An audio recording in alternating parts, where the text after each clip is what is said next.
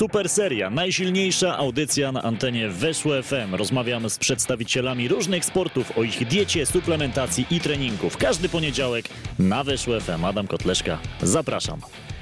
Kolejna super seria na antenie Weszło FM. Zapraszamy jak co tydzień, żeby porozmawiać o, o, historiach ludzi, którzy mają za sobą naprawdę ciekawe e, historie e, związane ze sportem. Dzisiaj tym sportem, o którym będziemy rozmawiać, będzie pływanie po wodach otwartych. Aleksandra Bednarek jest moim gościem. Ole już kojarzycie na pewno z super serii. Rozmawialiśmy kiedyś o przepłynięciu w pław kanału La Manche. Ostatnio byliśmy też w Kalifornii. Cześć Olu, witaj. Cześć Adamie, bardzo miło. E, tak się składa, Olu, że pozostajemy w tematach Stanów Zjednoczonych, e, zostajemy w Stanach, bo nie tylko Kalifornia, nie tylko to zachodnie wybrzeże już zdążyłaś e, zwiedzić, ale także i to wschodnie. Dzisiaj przenosimy się na Manhattan. Tak, dokładnie.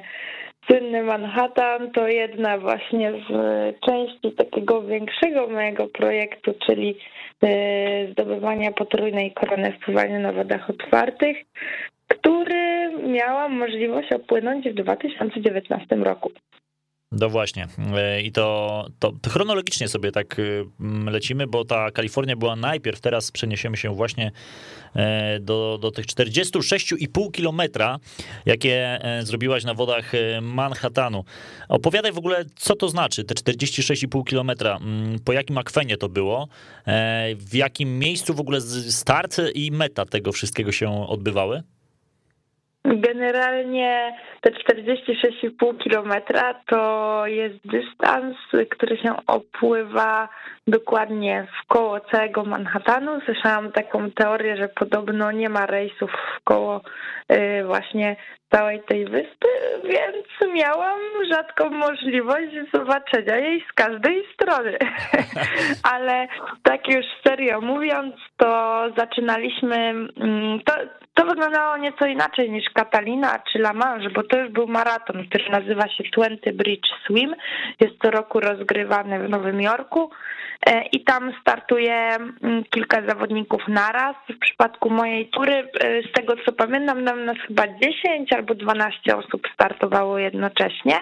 Każdy miał swoją łódkę asekurującą, każdy miał swoją załogę i każdy miał swojego kajakarza. E, I co więcej, kajakarze w ogóle mieli e, flagi mm, krajów, jakich e, asekurowali zawodników. Mhm. To było takie też fajne, więc można było Polska rozpoznać, flaga. kto gdzie płynie. Tak. I zaczynaliśmy tą, ten maraton na East River, obok takiej wysepki Mill Rock to jest za kawałek za mostem bruklińskim jeszcze. E, później pływaliśmy w cieśninę harlemską, a potem już dopływaliśmy do rzeki Hudson i nią już do samego końca wracaliśmy. To był tak naprawdę najdłuższy kawałek całego tego maratonu. Mm, ten dystans y, ogromny, jeszcze większy niż y, na Katalinie. Natomiast tutaj troszeczkę szybciej ci się udało pokonać ten dystans. Zdrać nam dlaczego, bo 7 minut, przepraszam, 7 godzin 7 minut, dokładnie 34 sekundy, 46,5 kilometra. No to robi wrażenie, ale jest jeden haczyk. Tak, jest jeden haczyk, bo tam mi bardzo prądy pomagały, ponieważ to jest, y, to ja płynęłam na rzekach i generalnie jedyne takie momenty, gdzie ten prąd mi nie sprzyjał, to był zazwyczaj, gdy przepływałam pod mostami. Tam y, były niewielkie zawirowania, gdzie czasem można było to odczuć, ale tak to, to generalnie prąd mi sprzyjał, w szczególności na rzece Hudson, która była wbrew pozorem, wbrew pozorów trudnym kawałkiem do przepłynięcia ze względu na duży ruch tam panujący, ale prąd był na tyle silny, że w miarę szybko można było pokonać ten kawałek. No właśnie, to tak w porównaniu choćby do, do kanału Katalina e, na tym zachodnim wybrzeżu, to było łatwiejsze? E, to były łatwiejsze zawody te tutaj na, na wokół Manhattanu? Um, tak, były łatwiejsze. Było jeszcze cieplej niż na Katalinie, to po pierwsze. Mm, po drugie, pojechałam tam i nie byłam chora, więc to mi dodało na pewno dużo więcej energii. E, I po trzecie to była cywilizacja. Tam po prawo miałam drapacze chmur, po lewo miałam drapacze chmur. Tam miałam wrażenie, nie miałam takiego poczucia, że płynę w dziczy, tylko e, cały czas się w koło działo Gdzieś omijałam e, platformę, na której helikoptery co chwilę startowały i lądowały, co trochę jakiś prom przepływał. Tam cały czas się toczyło życie. Mhm. No, lepiej ci się pływa w takich właśnie warunkach niż w takiej dziczy, takiej, wiesz, bez kresy oceanu? Um, myślę, że fajniej mi się płynęło y, właśnie w tym oceanie, bo ja to, mm, że to w mojej pamięci utkwiło jako taka duża przygoda, bo na, na Manhattanie czułam się jak po prostu na maratonie pływackim, a y, na Katalinie czy na La Manche nie i to była taka główna różnica. Ile osób startowało na Manhattanie? Mi się daje albo 10, albo 12, bo nie pamiętam teraz dokładnie, bo tam ktoś się chyba wycofywał w międzyczasie i, i nie pamiętam ostatecznej liczby, ale to minimum 10 tam było w jednej serii i w ciągu roku startują cztery serie e, w różnym e, czasie rozgrywane. I ja startowałam w drugiej serii e, rozgrywanej w lipcu. Czyli łącznie około 50 zawodników startuje ma możliwość wystartowania na, w koło Manhattanu. No to elitarna grupa, taka naprawdę dosyć mocno wyselekcjonowana, wyselekcjonowana, która może sobie pozwolić na coś takiego. No i właśnie ja mm, byłam zaskoczona, że tak szybko zakwalifikowałam się na ten maraton, ponieważ w ciągu roku jest, e, są otwierane zgłoszenia na tydzień, tam się wysyła swoją e, właśnie no deklaruje swoją chęć przepłynięcia, trzeba e, kilka dokumentów wypełnić, wysłać, też między innymi swoją historię pływania i tak dalej. No i e, ja tak sobie to wysłałam, ale nie nastawiałam się na to, że się już zakwalifikuję i pamiętam też jak mi wysłali maila, którego jakoś na szybko tam czytałam, bo coś było o liście rezerwowej i myślałam, że się nie załapałam a okazało się jednak, że tak, gdy doczytałam go do końca i, i byłam bardzo zadowolona, że, że już tak naprawdę rok po Katalinie mogłam przepłynąć ten Manhattan. No właśnie, jak się tam zakwalifikować? To każdy sobie może przedsięwziąć coś takiego, czy, czy trzeba spełnić jakieś rygorystyczne obwarowania? To y, jest taka mm, strona Y, New York Open Water Swimming, oni prowadzą tą y, rejestrację. I w tym formularzu, no oprócz jakichś danych osobowych, no to jest taka mm, część poświęcona historii pływania. I między innymi jest tam wymienione dużo różnych przepraw pływackich e, należących do korony oceanów, korony jezior i innych sławnych maratonów i z tych zaproponowanych przez nich ja miałam tylko Katalinę ale w międzyczasie też przepłynęłam Śniardwy i Mamry w pław i ja to też tam napisałam, bo tam było takie miejsce na uzupełnienie tego, czego tam nie było na liście.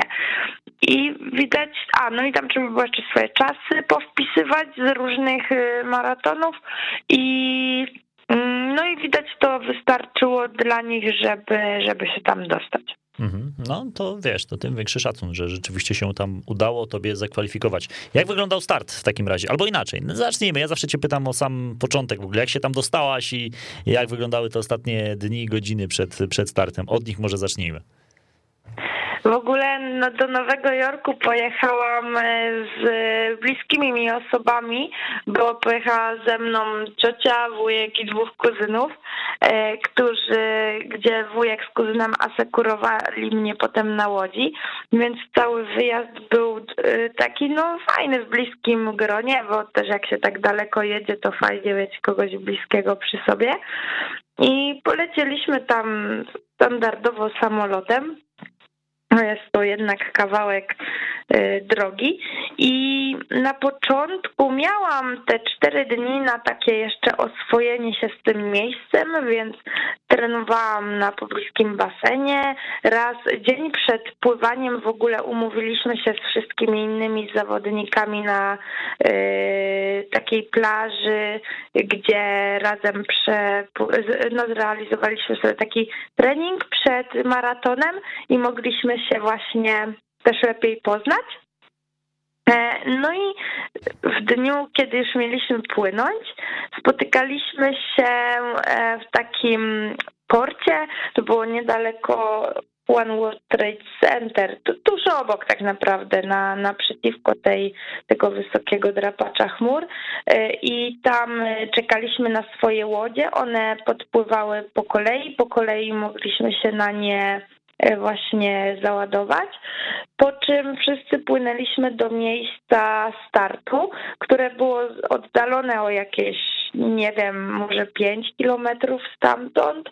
E, obok tego Mill Rock to tam był początek East River. E, I mm, startowaliśmy w odstępach, bo takimi grupkami 3, maks 4-osobowymi co y, jakieś 10-15 minut. To zależy, jak oni to w seriach tam y, rozmieścili, ponieważ mój czas i czas osób, z którymi płynęłam, były najszybsze z danego rozstawienia, to startowaliśmy jako ostatni, żeby mniej więcej w porównywalnym momencie skończyć ten dystans. Oczywiście odejmowali nam potem ten czas, tylko chodziło o to, żeby nie było dużej rozbieżności między między zawodnikami na samym końcu e, trasy. I kiedy już dopłynęliśmy do tego, do tej wysepki, to tam wyskakiwaliśmy ze swoich e, łodzi, kajakarze stali obok nas, mm, tam sędzia dał sygnał do startu, no i po prostu wyruszyliśmy. I na Manhattanie była właśnie oddzielna łódka, na której pływali sędziowie, e, kontrolowali wszystkich wyścigi e, i dodatkowo każdy na swojej łodzi miał jednego sędziego jeszcze. Okej. Okay. Czego nie mogliście robić w takim razie? Czego ci sędziowie najbardziej pilnowali? No, przede wszystkim tego, aby nie dotknąć łodzi ani kajaka, e, a żeby niczego się nie chwycić, nie złapać, żeby cały dystans był przepłynięty samodzielnie. Okej. Okay, I oczywiście po ustalonej trasie. No tak, to, to, to jest jasne. E, a zdarzyły się jakieś przypadki, że ktoś e, no, siłą rzeczy dotknął się i został zdyskwalifikowany? takie przypadki, ale to zazwyczaj jak ludzie już decydują, że po prostu chcą zakończyć dystans, bo nie mają siły płynąć albo nie dadzą rady, to wtedy wychodzą już na łódź, no i wtedy e, dystans jest nieukończony. Okej. Okay. E, widziałaś takie przypadki, że ludzie rzeczywiście musieli odpuścić w czasie?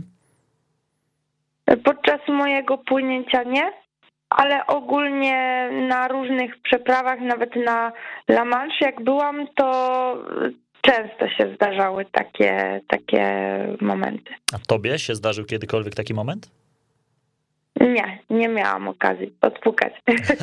No to byś nie miała w ogóle takiej okazji, e, bo to rzeczywiście no jest e, na pewno trochę frustrujące, kiedy, nie wiem, masz już powiedzmy te 30 kilometrów za sobą i 10 przed, niby dużo, niby mało, a powiedzmy, że wtedy musisz odpuścić.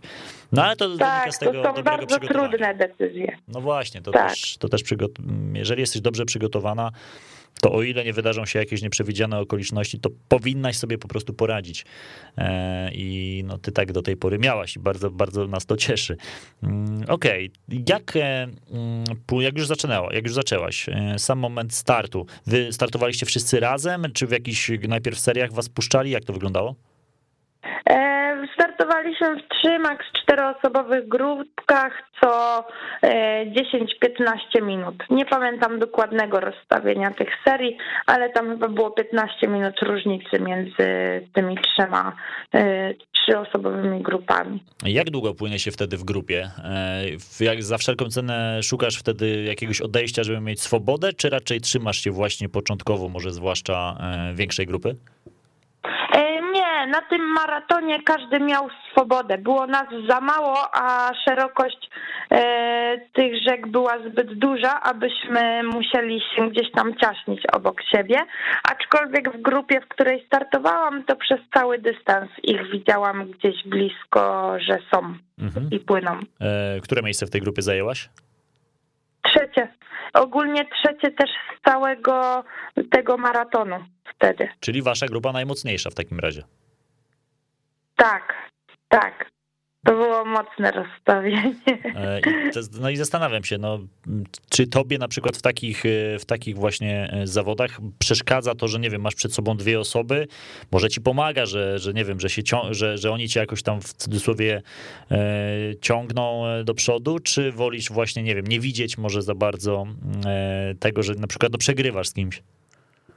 To znaczy tutaj akurat nie jakoś nie zwracałam na nich dużej uwagi, bo tutaj tak naprawdę zdawałam sobie też z tego sprawę, że w każdym miejscu tej rzeki ten nurt będzie trochę inny i możemy się po prostu bardzo tasować i my rzeczywiście tak płynęliśmy. Raz ja byłam pierwsza, ktoś, potem taka dziewczyna była pierwsza, potem taki chłopak nas wyprzedził i to było wszystko zależne od tego, w jaki nurt też wpłynęliśmy. Dlatego tutaj nie sugerowałam się tym bardzo, ale jak płynę jakikolwiek inny maraton, to lubię płynąć w grupie, bo w grupie najzwyczajniej jest łatwiej płynąć i raźniej. Mhm. A łatwiej właśnie z jakiego powodu? Takiego psychologicznego, że jesteś w grupie, czy, czy to też pomaga jakoś tak, nie wiem... Nie, nie. Y, wpływanie na wodach otwartych, w ogóle y, co się nazywa drafting, to jest wpływanie, tak kolokwialnie już powiem, komuś w nogach. I jak pływa się komuś w nogach, to jest łatwiej z tego względu, że ma się też trochę lepszą wyporność, bo ten ktoś robi bąbelki pracując nogami, e, które nas unoszą i, i łatwiej się płynie za kimś, tylko drafting polega na tym, żeby e, płynąć za kimś, ale żeby też temu komuś nie przeszkadzać, czyli y, na przykład y, dotykanie dłonią stopy osoby prowadzącej jest zabronione i za to może być dyskwalifikacja. Więc y, to też trzeba nauczyć się robić. Mhm. No tak, no to rzeczywiście może kogoś wybić przecież z rytmu, nie? Więc tak, tak, więc... więc pewnie można się komuś, że tak powiem, ciągnąć w nogach, ale nie można mu przy tym przeszkadzać. E, okej, okay. E, jak zwykle dopytam cię o prowiant na trasie. Jak się odżywiałaś podczas tych ponad 40 kilometrów? Oj, powiem szczerze, że na e, Manhattan nawet nie wzięłam ze sobą herbaty bo stwierdziłam, że jest tam tak ciepło, Aha. że nie będę potrzebowała. Woda miała 22 stopnie, na zewnątrz było prawie 30, słońce cały czas świeciło, więc miałam ze sobą głównie wodę, węglowodany, aminokwasy e, i, i batony po prostu energetyczne, e, które gdzieś tam dostarczały mi też tej energii. To tak? było podobne żywienie jak na Katalinie, tyle że bez herbaty. Mm, moje żywienie odwróciło się do góry nogami dopiero na La Manche. Okej. Okay. E, no tak, no też e, jakby to przypomnij, w jaki sposób się e, to, to żywienie mm, odwróciło do góry nogami dla tych, którzy może nie słyszeli tej części. Ja was bardzo zachęcam do tego, żebyście sobie odwinęli część z Olą, kiedy rozmawialiśmy o tym, jak płynęła przez kanał La Manche. To chronologicznie się wydarzyło później, po tym Manhattanie i po Kalifornii wtedy też już miałaś trochę inną świadomość, e, jak się odżywiać. Tak, na La Manche po prostu wiedziałam, że będzie mi po prostu zimno, bo tam są zupełnie inne warunki pogodowe e, tempera i temperaturowe i tam podczas każdego posiłku dostarczałam coś ciepłego i miałam herbatę, węglowodany rozpuszczone w ciepłej wodzie, E, piłam kisiel, e, taki rzadki, rozpuszczony i kaszkę dla małych dzieci jadłam, to znaczy jadłam, no też taką płynną piłam przez bidon, ale wszystko musiało być ciepłe. Nie było postoju, na którym bym przyjęła jakąś zimną rzecz. Mhm. No tak, no, warunki jednak predestynują to czym i jak się będziesz odżywiać na trasie, prawda? Tak, tak. Mm, dobra, to wiemy, że miałaś y, trochę inny ekwipunek wtedy na tym Manhattanie. Y, no oczywiste jest to, że nie miałaś tego ze sobą, tak? To, to wszystko ci podawane było jakby z łódki. Tak, tak. To, y, tutaj na Manhattanie wyglądało to podobnie jak na Katalinie, bo miałam swojego kajakarza i kajakarz podpływał do łódki po jedzenie, brał trochę rzeczy na zapas na kajak i z tego kajaku podawał mi bidon, batony, węglowodany, więc to tutaj też z kajakarzem głównie współpracowałam. Mhm. E, kiedy już wiedziałaś, że uda się wykręcić dobry czas podczas tego Manhattanu? Był już taki moment, kiedy czułaś, że, że po prostu będzie mocny wynik? E, w ogóle od samego początku, jak płynęłam, to miałam takie poczucie, że dobrze mi się płynie i że właśnie szybko po prostu płynę, że jest to szybciej niż rok wcześniej, bo mm, no mówię, tu nie miałam tej takiej przerwy spowodowanej chorobą, bo no to tak mówię, ale dla pływaka naprawdę kilka dni przerwy to jest dużo, a jeszcze jak gdzieś tam temperatura męczy, już totalnie czucie wody pada, a tu byłam w gazie, że tak powiem, cały czas. I od tych pierwszych metrów czułam, że to jest dobry start, aczkolwiek później, jak zapał mnie taki, e, takie zmęczenie mniej więcej za połową, to mm, tak sobie pomyślałam, kurczę, może trochę przesadziłam i za szybko zaczęłam, ale czułam to, że nie zwolniłam, że cały czas trzymałam tempo e, i to było dla mnie też ważnym wyznacznikiem, że do końca gdzieś tam nie zbombiło mnie na tyle, że po prostu opadłam z sił, tylko mogłam to tempo trzymać. Mhm. No właśnie, czyli no, jak już byłaś dobrze przygotowana, to też na trasie czułaś się zdecydowanie mocna. Był jakiś kryzys wtedy podczas tego Manhattanu? Był kryzys. Y, Generalnie maraton w koło Manhattanu charakteryzuje się też tym, że przepływa się pod 20 mostami łączącymi Manhattan z resztą świata i pamiętam jak one tak na początku szybko mi szły, bo ja liczyłam, mówię o pierwszy, drugi, trzeci, siódmy, ósmy, dziesiąty, piętnasty i mówię kurczę, już pięć mostów tylko zostało. No ale ja wypływam potem na rzekę Hudson i nie widzę kolejnego. I mówię, o, o, no to chyba kawał drogi teraz został. I wtedy miałam takie pierwsze e, trochę załamanie, bo byłam już zmęczona i, i psychicznie trochę się załamałam, że pięć mostów mi zostało, a ja nie widzę żadnego. E, ale później już, gdy właśnie zaczęłam widzieć tak za mgłą, trochę to był taki most, on się nazywa Washington Bridge, bardzo duże wrażenie na mnie wywarł, bo jest ogromny e, i, i taką potęgę on, mm, on sprawia, że właśnie przez tą chyba wielkość i przez to, że jest też wiszący i przez całą tą rzekę przechodzi, to tak mówię, kurczę, fajne widoki, ale e, dopłynęłam do niego i zaczęłam widzieć już y, te drapacze chmur, to mówię, to jestem blisko, ale przecież to wszystko jest takie wielkie, to to z daleka przecież widać, ja do tamtego miejsca jeszcze z 10 kilometrów miałam.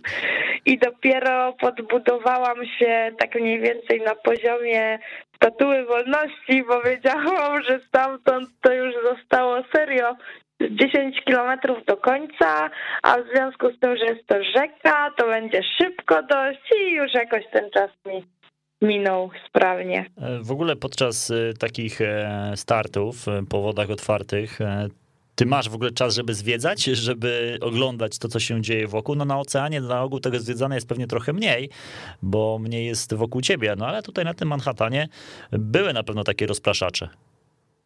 Tak, dużo było, bo tutaj promy przepływały, tutaj helikoptery lądowały, tutaj płynęłam y, pod jednym mostem, drugim, trzecim, więc tak, jak najbardziej. Rozpraszaczy było dużo. Nawet kajakarz mi mówił, Ola, nie patrzcie przed siebie, na mnie się nawiguje. Ja mówię, dobra, mhm. ale, ale właśnie gdzieś tam y, chciało się po prostu zobaczyć, co tam, co tam jest przed nami, więc raczej nie ma na to czasu, aczkolwiek biorąc wdech, zawsze coś tam przed oczami przemknie. Mhm. O czym się myśli podczas takiego kilkudziesięciowego kilkudziesięciokilometrowego płynięcia, kiedy masz te 40 kilometrów do przepłynięcia. Mm, o czym ty myślisz wtedy? Bo to nie jest miejsce, gdzie sobie, nie wiem, dasz słuchawki na uszy, chyba, wyprowadź mnie, chyba, że też tak pływacy robią. Nie, nie można. Znaczy podczas treningu można, ale na takich startach nie można. To jest zabronione wręcz, tak? Że nie można słuchawek? Nie można. Okej, okay. no. no to dobra, to o czym ty myślisz wtedy? E, w ogóle dużo moich startów zaczynam od nucenia sobie w głowie piosenki Parostatkiem w piękny rejs. To jest taka moja piosenka przewodnia, aczkolwiek no i gdzieś tam w sumie połowa mojej playlisty w głowie mi poleci, e, ale do czasu, bo e, jak już przychodzi kryzys, to wtedy jest tak jakby mm, walka z radzeniem sobie z tym kryzysem e, i to, to tak naprawdę mm, czasami znaczną część tego wyścigu zajmuje. E, w międzyczasie, wiesz, doliczasz przerwy na jedzenie i picie, to to też wtedy coś innego się dzieje. E, jak warunki jakieś pogodowe się zmieniają albo woda zaczyna bardziej falować, to wtedy myślę o tym, jak tą rękę włożyć do tej wody, żeby jak najmniejszy opór mieć e, podczas starcia z tą falą. Myślałam, jak miałam jakiś kryzys, to wtedy przywoływałam wypływałam jakieś miłe wspomnienia, więc y, gdzieś tam mm, wszystkie jakieś słowa motywacji, y, to gdzieś tam to mi po głowie chodziło y, i to, to mnóstwo różnych myśli przez głowę się przytacza, aczkolwiek najlepszym sposobem jest to, żeby po prostu skupić się na samym płynięciu i na celu, który chce się osiągnąć. Czyli myśleć o tym, jak już będzie się wychodzić na te, poza te linie, linie fali, na brzeg po prostu. Tak, a najlepiej w ogóle, najlepiej to żyć w chwili teraz, w której jest tak trudno czasami e, i skupić się na tym, co się dzieje tej konkretnej chwili, w danym momencie, to, to bardzo pomaga też. E, kiedy kończyłaś już ten Manhattan, kiedy ustaliliśmy, że zajmowałaś trzecią pozycję, mm, jak to wygląda później? I czy to jest, y, czy to są zawody, na których można, nie wiem, a zarobić, albo dostać przynajmniej jakiś fajny puchar, nie wiem, medal? E, jak wyglądają w takim razie no, nagrody po prostu poza, już po, po konkursie? to tak, wtedy wchodzę już na swoją łódkę, wracamy do miejsca, gdzie się e, pakowaliśmy na te łódki i dostajemy medale za i dyplomy za właśnie e, przepłynięcie w koło Manhattanu. Jeśli chodzi o miejsca i tak dalej, to, to po prostu liczy mi się gdzieś tam w rankingu, który jest prowadzony. Potem mogę, e, na przykład wtedy byłam nominowana do e, w plebiscycie Kobieta Roku, też przez World Open Water Swimming Association organizowane, e, ale generalnie żadnych jakichś nagród pieniężnych to z tego nie ma raczej. Taki, można powiedzieć, niszowy sport. Mhm. Tylko tyle, co potem wypromuje się na przykład swój wizerunek na tym, no to wtedy. Ale tak to za samo wygranie maratonu to nie. Mhm. Nie ma na tym. Okej. Okay. Na ile ci się udało już w takim razie wypromować ten wizerunek? Jakie, no, nazwijmy to po prostu no, wprost, korzyści masz z tego, że, że płyniesz? O, oczywiście, oprócz tego, że realizujesz swoją pasję, ale teraz myślę, myślimy o takich bardziej przyziemnych rzeczach. No to generalnie tak y, po Lamarz to dobrze zauważyłam, ponieważ um, i gdy płynęłam Katalinę, to była moja pierwsza przeprawa, to mało kto o tym wiedział w ogóle. I pamiętam jak e, na przykład chciałam to gdzieś rozpromować i szłam do e, właśnie dziennika łódzkiego pytać się, czy mogliby coś tam napisać i w ogóle i oni się zgodzili i było mi tak miło i potem z roku na rok gdzieś tam to zainteresowanie wśród mediów nawet wzrastało, gdzie więc po pierwsze sama promocja tego sportu gdzieś tam e, już wzrosła w przeciągu tych czterech lat. Druga rzecz to nawet w poszukiwaniu gdzieś tam sponsorów, jakichś dofinansowań, mam tak jakby większą możliwość opowiedzenia o tym, co robię. Nie jest to jedna rzecz, a już więcej trochę i opieram się na większej ilości rzeczy, czyli no po prostu na swoim też doświadczeniu, e, co, co jest też e, no pozytywnie rozpatrywane. Mm, no i e, też jest mi łatwiej na przestrzeni lat, teraz po zdobyciu korony, gdzieś tam opowiadać o tym publicznie, e, czyli przeprowadzać różne prezentacje, jakieś właśnie spotkania z ludźmi, z młodzieżą, co jest, e, co, co jest fajne i lubię to, bo to jest taka wiedza nie, nie książkowa, a oparta na tym doświadczeniu. E, I to są takie rzeczy, które myślę, że przez tą promocję wizerunku medialną pomogły mi osiągnąć to. Mhm. No i na pewno. E, jak spotykasz się z dziećmi, e, czy też z dzieciakami, e, czy z młodzieżą w ogóle i opowiadasz o tych swoich mm, dokonaniach, doszły do ciebie słuchy, że kogoś może już zainspirowałaś do tego, żeby zaczął trenować pływanie po otwartych wodach? Sumie właśnie ucieszyło mnie, gdy pewnego razu y, to nawet y, moi znajomi ogólnie, czyli moi rówieśnicy mniej więcej, postanowili wejść w ogóle i zacząć pływać na wodach otwartych albo zacząć morsować i to było już dla mnie kurcze, ale fajnie, czyli musieli się gdzieś tam też tym zainspirować trochę i to było bardzo miłe. Y, jeśli chodzi o dzieciaki, to w sumie nie wiem, bo prowadzę, pracuję też w szkółce e, Field the Water w Łodzi i tam prowadzę zajęcia z różnymi dziećmi w różnym wieku. I gdzieś tam pojawiały się różne pytania na ten, e, na temat właśnie tego, co robię. I zawsze lubię na nie odpowiadać, bo cieszę się, że kogoś to zainteresowało. I z nadzieją taką, że gdzieś tam może ich to zainspirować nawet nie tyle do tego, żeby zacząć pływać, ale ogólnie zainspirować do tego, żeby mieć gdzieś tam odwagę spełniać swoje marzenia. No, zdecydowanie. I wiesz, no w ogóle dbać o siebie przede wszystkim, o, o, zdrowy tryb życia, bo nie każdy musi oczywiście być od razu sportowcem wyczynowym, od razu musi zdobywać koronę całą e, tych wód e, otwartych, natomiast wystarczy czasami, żeby ktoś e, no, ruszył się z kanapy, czy też e, zainteresował się po prostu sportem. I myślę, że takie osoby jak ty są tego dobrym E, przykładem, żeby po prostu takie osoby inspirowały innych. Ola, czyli mamy już, e, mamy Manhattan, mamy La Manche za sobą, mamy też i Kalifornię, przed tobą Egipt. O co jeszcze mógłbym cię zapytać? O jakieś starty, które jeszcze szczególnie w tobie gdzieś tam zapadły w pamięci? Generalnie to y, tutaj mamy cały wachlarz zimowego pływania, który też jest jedną wielką przygodą y, i który pozwalał mi się też termicznie przygotować do wielu wyzwań, bo zimowe pływanie też zaczęłam w 2017 roku, mhm. kiedy pojawiła się w mojej głowie idea przepłynięcia wpław kanału La Manche. Okej. Okay. No, to, to, tam już jest zimno, rzeczywiście. E, a są jakieś takie bardzo ekstremalne miejsca, gdzie się pływa jeszcze, gdzie jest naprawdę już woda jeszcze zimniejsza i jeszcze trudniejsze warunki niż e, La Manche?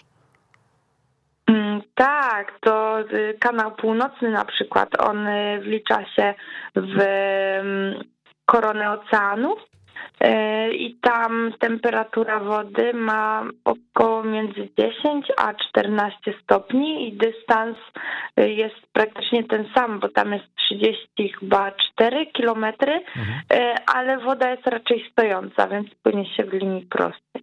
No tak, ale, ale chłodnawo. To jest ten kanał pomiędzy Wielką Brytanią tak. a Irlandią. Tak, nie, to, to znaczy między Szkocją a Irlandią, tak, tak, tam to Okej. Okay. E, to też masz to w planach? To jest też jakaś, e, już jakiś pomysł na przyszłość? Wiesz co, nie wiem, bo ja się go, ja wiem, że e, nie jestem w stanie termicznie go jeszcze pokonać i hmm, być może na starość, ale nie, nie jest on w moich najbliższych planach. Myślę, że Kolejny celem, który mogłabym sobie wyznaczyć, jeśli chodzi o pływanie długodystansowe, to jest y, Gibraltar. O. Gibraltar y, jest dość krótką przeprawą. Tam są silne prądy, dlatego płynie się to długo, ale jest ciepło. No, Gibraltar ma to do siebie, że tam raczej na wychłodzenie organizmu nie będziesz narzekać, nawet przez te kilka godzin, kilkanaście godzin tak, ewentualnie dokładnie. w wodzie.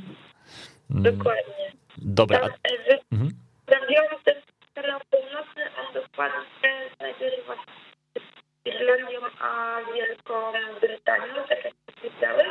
E, Tylko ja nie pamiętam dokładnie miejscowości, takich się tam wypływa. Jasne, jasne. No to jest myślę, że do sprawdzenia. A jakie jest takie najbardziej hardkorowe miejsce, gdzie się pływa na wodach otwartych? Najtrudniejsze według Eee. sportowców, według pływających miejsce, gdzie można startować? Teraz dużo osób jeździ na maraton na Antarktydzie. E, tam przepływa się kilometr w, no po prostu w wodzie, która ma poniżej 0 stopni, bo tam jest słona woda i ona zamarza przy niższych temperaturach. No i na zewnątrz no to też jest ile? Ile to może być? Z minus 25, z minus no 30? myślę, że spokojnie. Albo, no, albo nawet więcej. Mm, Jak się w ogóle do czegoś takiego przyzwy- przyzwyczaić albo przygotować w ogóle? W jaki sposób możemy nasz organizm zmusić do tego, żeby poradził sobie z czymś takim? Wiesz co? To regularnie, po prostu systematycznie wchodzić do takiej wody. Bo y, gdy zaczęłam przygodę z zimowym pływaniem w 2017 roku, to w tym momencie, po czterech latach, widzę różnicę między tym, co było na początku, a tym, co jest teraz. Bo w tym momencie, gdy wchodzę do wody o temperaturze 0 stopni, to już nie czuję jakiegoś większego bólu, na przykład w palcach, gdzie wcześniej e, go czułam.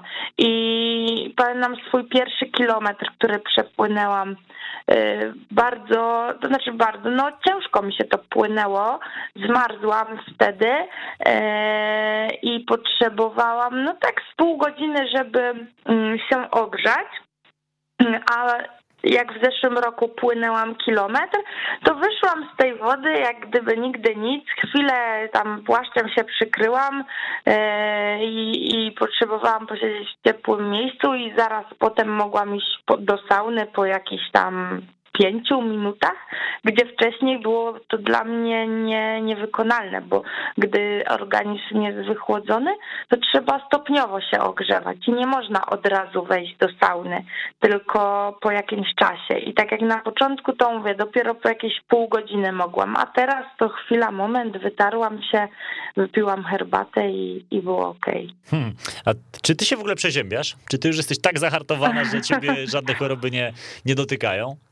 Nie, no zdarza się, zdarza się takim e, chorobą, za którą, znaczy chorobą, no po prostu pływaków głównie męczy katar, uszy, zatoki. To są główne rzeczy, na które jesteśmy narażeni i na które najczęściej gdzieś tam e, się przeziębiałam. E, Był okres w moim życiu, że co trochę miałam zapalenie ucha, z którym walczyłam, albo e, bolały mnie zatoki, to nawet jeszcze zanim zaczęłam zimą pływać, a mm, więc to, to zdarza się, zdarza się. Aczkolwiek odpukać mm, rzadko y, tak rozkłada mnie totalnie na łopatki, że wiesz, leżę z temperaturą 39 w łóżku i po prostu nie jestem w stanie nic zrobić, to, to rzadko, nie? Więc to jest fajne, że raczej kończy się na jakichś takich mniejszych przeziębieniach. A powiedz, y, zauważyłaś wpływ y, takiego pływania długodystansowego po tych no, często zimnych wodach e, na, na twój organizm, właśnie na, na, na odporność jako taką? Tak. Właśnie podobno po trzech sezonach mniej więcej organizm zaczyna nabywać takiej odporności już e, na różne e, przeziębienia, bakterie, e, bo nasz układ już się nauczył każde wejście do zimnej wody to jest pobudzenie naszego układu odpornościowego. On musi się e, nauczyć radzić e, właśnie w takich warunkach, jak zachować tą równowagę. I po takich trzech sezonach już mniej więcej on jest gotowy, żeby też to przełożyć na takie e, zdrowie na co dzień. Mm. żeby zwalczyć różne infekcje. Czyli ty I, też... I zauważyłam to. Czyli ty też jesteś raczej zwolenniczką morsowania, jak już tu zresztą słyszeliśmy. Tak, tak. E, ja to pływam od razu, bo my rywalizujemy właśnie na e, podczas zimowego pływania na zawodach, więc wiesz, od razu też zanurzam ręce, całe nogi, tutaj twarz, nie? Bo na morsowaniu to często nie zanurza się dłoni i wchodzi się w butach albo w skarpetkach neoprenowych. Mhm. A tutaj jednak zanurzam. Ty już wyższy level, ty już wyższy poziom wtajemniczenia, jeżeli chodzi o to e, o morsowanie. E, Olu, czyli teraz rozumiem, skupiasz się na tym, co się wydarzy w sumie za 2-3 tygodnie, bo to początek grudnia jest, tak? Z tego co pamiętam. Ten tak, no my 1 grudnia wylatujemy, 4 są zawody. Okej, okay. E, i uda się jeszcze trochę po starcie zostać nam na miejscu, czy od razu powrót do Polski? Nie, wracamy już. Mhm. No, cztery dni mimo tak wszystko. tylko na zawody. Cały czas tak. cztery dni w Egipcie w grudniu. To jest myślę dobre rozwiązanie, patrząc na pogodę za oknem tutaj w Polsce.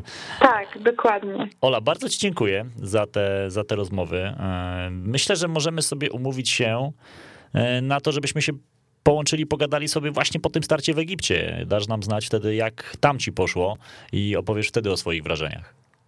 O, super, dobry pomysł fajnie. Będziemy... To będziemy w kontakcie tak, po prostu. Będziemy trzymać kciuki przede wszystkim, żebyś tam e, zajęła dobre miejsce. No właśnie, jakie to będzie dobre miejsce? Z jakim nastawieniem tam e, lecisz?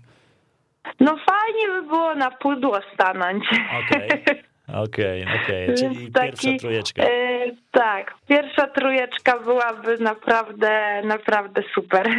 No to słuchaj, e, znając ciebie, jak sobie zakładasz coś, to to raczej realizujesz w tych swoich startach. Możesz być pewna, że słuchacze i, i ja też na pewno będziemy trzymać kciuki, więc jak będziesz miała moment kryzysu, to pamiętaj, że jest za tobą jeszcze tutaj sporo osób, które cię słuchało i, i trzyma kciuki, żeby ci poszło jak najlepiej, po prostu. O, bardzo dziękuję. Ja to wierzę w to, że taka energia dolatuje, więc. Słuchaj, do Egiptu aż tak daleko do tego Egiptu nie jest, doleci na pewno ta energia, zdąży. E, Ola, bardzo ci dziękuję. Trzymamy kciuki za, za dobry start w Soma Bay. E, Aleksandra Bednarek, e, polecam wam raz jeszcze wpływy przez świat, tam opisane wszystkie przygody, tak chyba mogę powiedzieć, starty Oli na wodach otwartych. Całkiem sporo już ich było i, i Ola też fajnie je bardzo szeroko opisuje. A może kogoś to zaciekawi na tyle, że będzie chciał spróbować w coś takiego się pobawić. E, to myślę, że też jest temat na przyszłą rozmowę, jak, e, jak w ogóle zacząć e, takie pływanie po wodach otwartych. Już nie, nieco nam swoją historię nakreśliłaś, natomiast jeszcze cię będziemy podpytywać, jakby taki kompletny laik chciał się zacząć w coś takiego bawić. Dobra, to sobie wtedy o tym pogadamy. Super, bardzo chętnie opowiem. Dziękuję Ci, Olu, za dziś. Raz jeszcze Aleksandra Bednarek była moim gościem. Dziękuję ślicznie i wszystkiego dobrego też życzę wam i trzymam kciuki za wasze przedsięwzięcia. O, a ja e, odsyłam was do poprzednich rozmów z Olą. Weszło FM, zakładka, super seria, a także Spotify. Weszło FM, Adam Kotleszka. Kolejna super seria, tradycyjnie za tydzień. Super seria, najsilniejsza audycja na antenie Weszło FM. Rozmawiamy z przedstawicielami różnych sportów o ich diecie, suplementacji i treningu. Każdy poniedziałek na Weszło FM. Adam Kotleszka, zapraszam.